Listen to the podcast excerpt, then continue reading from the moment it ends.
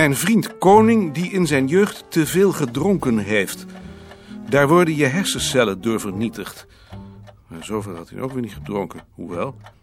Hoe heette die man? Je moest toch weten hoe die man heette. Een eigenaardige naam, niet zijn eigen naam, maar een pseudoniem. Iets met een kledingstuk. Kous, Kousbroek. Rudy Kousbroek. De vrouw of de vroegere vrouw van Rudy Kousbroek dus.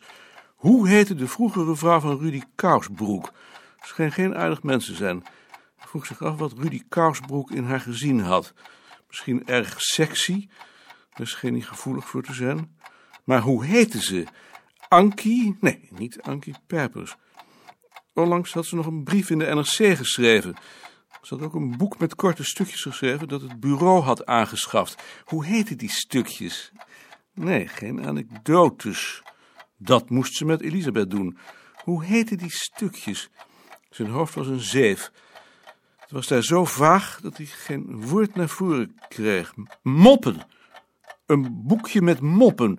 Moderne moppen. Eh, eh, broodje aap. De schrijfster van Broodje aap. Misschien kon hij beter aan wat anders denken, dan kwam het vanzelf. Dat dacht hij tenminste. Hij draaide zich op zijn andere zij en probeerde opnieuw te slapen.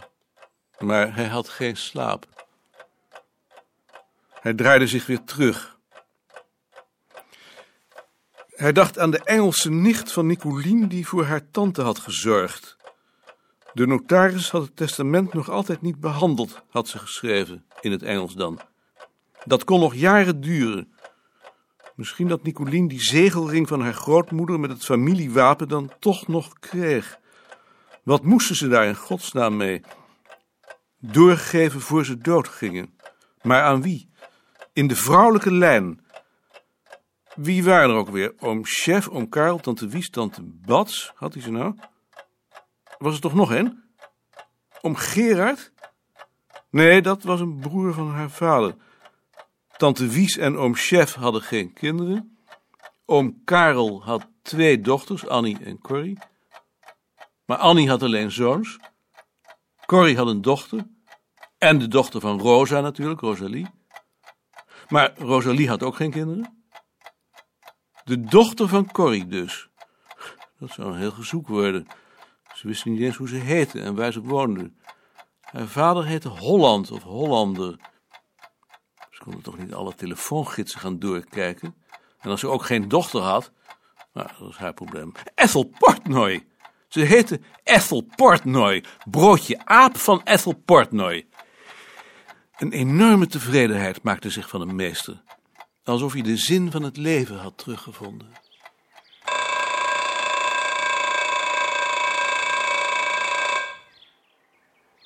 Aan de overkant van de gracht bleven een man en een vrouw bij een dure grijze auto staan. De man opende de achterbak en draaide zich weer om. Hij droeg een openhangende, zware lode jas met daaronder een groene trui.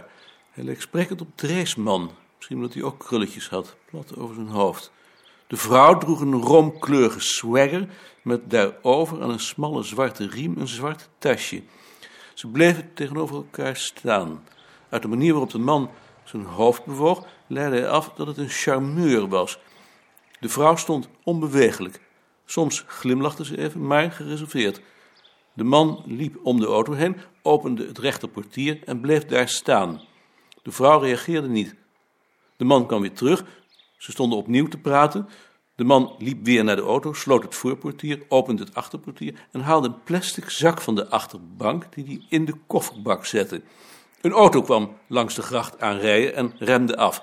De man maakte een lichte beweging met zijn hand, waarop de auto weer doorreed.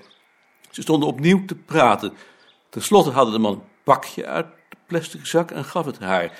Hij meende te zien dat ze een lichte kleur kreeg, maar hij was er niet zeker van.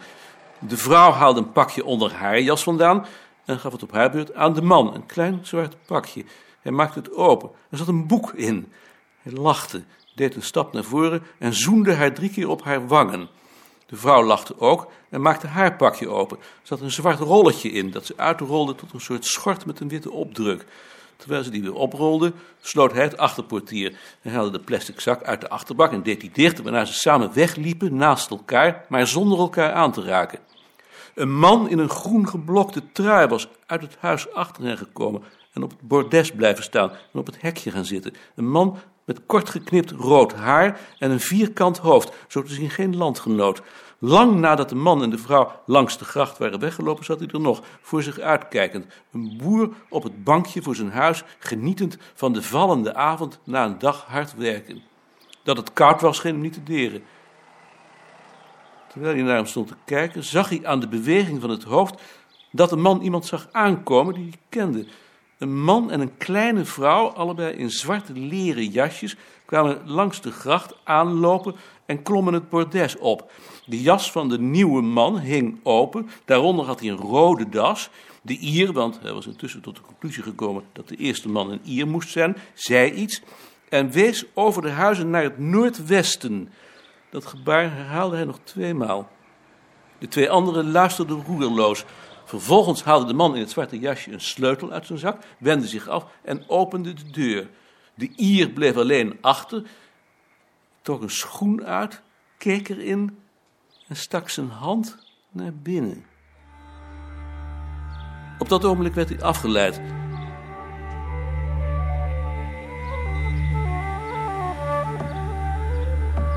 Toen hij weer naar buiten keek, was de Ier verdwenen.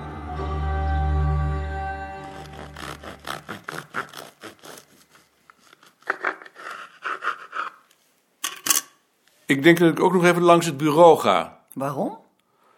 Omdat ik nou eindelijk wel eens met die briefies kennis wil maken. Maar dat moet hij toch zeker doen? Dat hoef jij toch niet te doen? Ja, ik moet ook wat gegevens hebben voor het afscheid van Biesterbos. Het is toch idioot dat jij dat doet? Hij doet het niet. Nou, dan doet hij het niet. Dan hoef jij hem niet achterna te lopen. Hij moet me toch opvolgen in die commissies? Nou, dan volgt hij je maar niet op. Als hij niet de beleefdheid heeft om jou op te bellen, dan laat je hem barsten. Ik kan in die commissies toch niet zeggen dat ik hem nog altijd niet gesproken heb? Waarom niet? Ik zie niet in waarom niet, als dat nou zo is. Dat is gek. Dat is helemaal niet gek. Ik vind het gek. Dan denken ze dat we ruzie hebben en dat heb ik niet. Bovendien wil ik nu eindelijk wel eens weten wanneer ik daaruit kan gaan. Ik dacht dat je eerst wilde afwachten hoe het met die bezuinigingen afloopt. Ja, in de museumcommissie en in de Boerenhuisclub. Maar niet in de Maar je Zeemuseumcommissie. moet het zelf maar weten. Ik zou het niet doen. Dag Ad. Dag Maarten. Hoe gaat het? Jacques Meijer heeft gevraagd of ik bij het afscheid van Biesterbos een reden wil houden. Hij wil dat ik enig tegenwicht geef tegen de bezuinigingspolitiek van het departement en tegen de plannen van de mensen die er een beschaafd pretpark van willen maken. En doe je dat? Ik kan dat moeilijk weigeren. De minister komt ook. Ze hebben een organisatiebureau opdracht gegeven om een prognose te maken van het aantal bezoekers waarop het departement zijn subsidie kan baseren als het museum straks geprivatiseerd wordt. En wat hebben die gedaan? Die hebben gewoon gekeken naar het topjaar en naar het aantal bezoekers van de Flevolhof en de Efteling. 700.000. En daar trappen ze in. Dat betekent dat ze straks, als ze maar 400.000 bezoekers krijgen, zoals op het ogenblik, permanent in de problemen zitten. Dus dan maar een pretpark. Nou, wat het departement dan moet doen volgens jou? Een flexibele subsidiëring. Ik heb een ehm, grafiek gemaakt van het aantal bezoekers sinds 1917. Hier. Toppen in 1919, Russische revolutie, revolutiepoging van Troelstra. In de bezettingsjaren, in de jaren 50, Korea, Suezcrisis, Hongarije, Berlijn. Jaren 70, rapport van de Club van Rome, oliecrisis. Elke keer dat er dreiging is, stijgt het aantal bezoekers. En wat nog mooier is, ehm, hier. Ik heb ook nog de emigratiecijfers van het Bureau voor Statistiek en de enquêtes over de toekomstverwachtingen van het Sociaal Cultureel Planbureau ernaast gelegd. Als de emigratie stijgt en als de zorgen over de toekomst toenemen, stijgt het aantal bezoekers. En omgekeerd. Denk je dat ze zich daar iets van aantrekken? Dat weet ik niet. Als ze maar inzien dat die schommelingen in de bezoekerscijfers conjunctureel zijn en dat het museum een duidelijk maatschappelijke functie heeft. Het is idioot dat de minister voor Welzijn, Volksgezondheid en Cultuur zo'n instrument uit handen geeft. Dat moet er op zijn minst onder zijn neus gewreven worden. Maar ehm, daar kwam ik niet voor. Eh, is mijn opvolger er eigenlijk vandaag? Als hij er is, dan is hij op zijn kamer. Wou- spreken? Wat? Ik, ik wou wel eens kennis met hem maken. Ik denk dat hij wel op zijn kamer is. Ik denk dat ik daarna nog een poosje boven zit. Ik moet nog wat nakijken voor die reden. Ik ben koning. Oh, dag meneer Koning. Ik ben Charles Briefies. Prettig met u kennis te maken. Wilt u niet even gaan zitten? Ik heb veel over u gehoord. Dat kan haast niet anders. Nee, natuurlijk, dat eh, ligt wel voor de hand. Ja. Bevalt het u hier nu? Oh, het bevalt me goed. Heel goed zelfs. Omdat u eerst docent geweest bent? Dat wist u? Dat heb ik gehoord. Ja. Maar ik heb me ook altijd geïnteresseerd voor volkscultuur. Voor religieuze volkscultuur. Dat ligt enigszins in de lijn van mijn opleiding.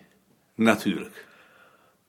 Maar niet alleen voor religieuze volkscultuur. Nee, dat begrijp ik. U had in de tijd nogal wat bezwaren tegen de bundel van Vreeman en Dodewaard? Maar niet omdat die over religieuze volkscultuur ging. Oh, dat toch niet? Ik vond hem gewoon slecht. Bloedeloos getheoretiseerd. Oh, dat was het dus. Wat de Fransen doen op dat gebied is veel beter. Ja, natuurlijk, maar die hebben ook een langere traditie. Zolang je niets te vertellen hebt, kun je natuurlijk ook nog je mond houden. Dat is ook altijd de politiek op de afdeling geweest.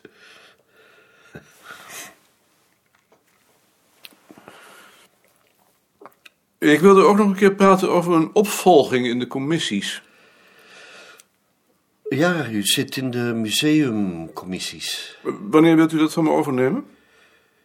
Ja, eh, We zouden natuurlijk ook poosjes samen in kunnen zitten, dat ik u inwerk. Mijn lidmaatschappen lopen volgend jaar af. we hebben daar op de afdeling eigenlijk nog geen beslissing over genomen. Geen beslissing, Wat de musea doen ligt niet op het terrein van de wetenschap. maar we worden er door het publiek wel mee vereenzelvigd. Dat is zo, ja. Daarom zitten we erin. Ja. Ja. Mag ik het eerst nog een keer bespreken? Natuurlijk. Dat hoor ik dan wel. En als er iets is waarmee ik u nog kan helpen, dan kunt u mij gerust bellen. En als er iets is waarmee ik u helpen kan, dan kunt u mij ook bellen, meneer Koning.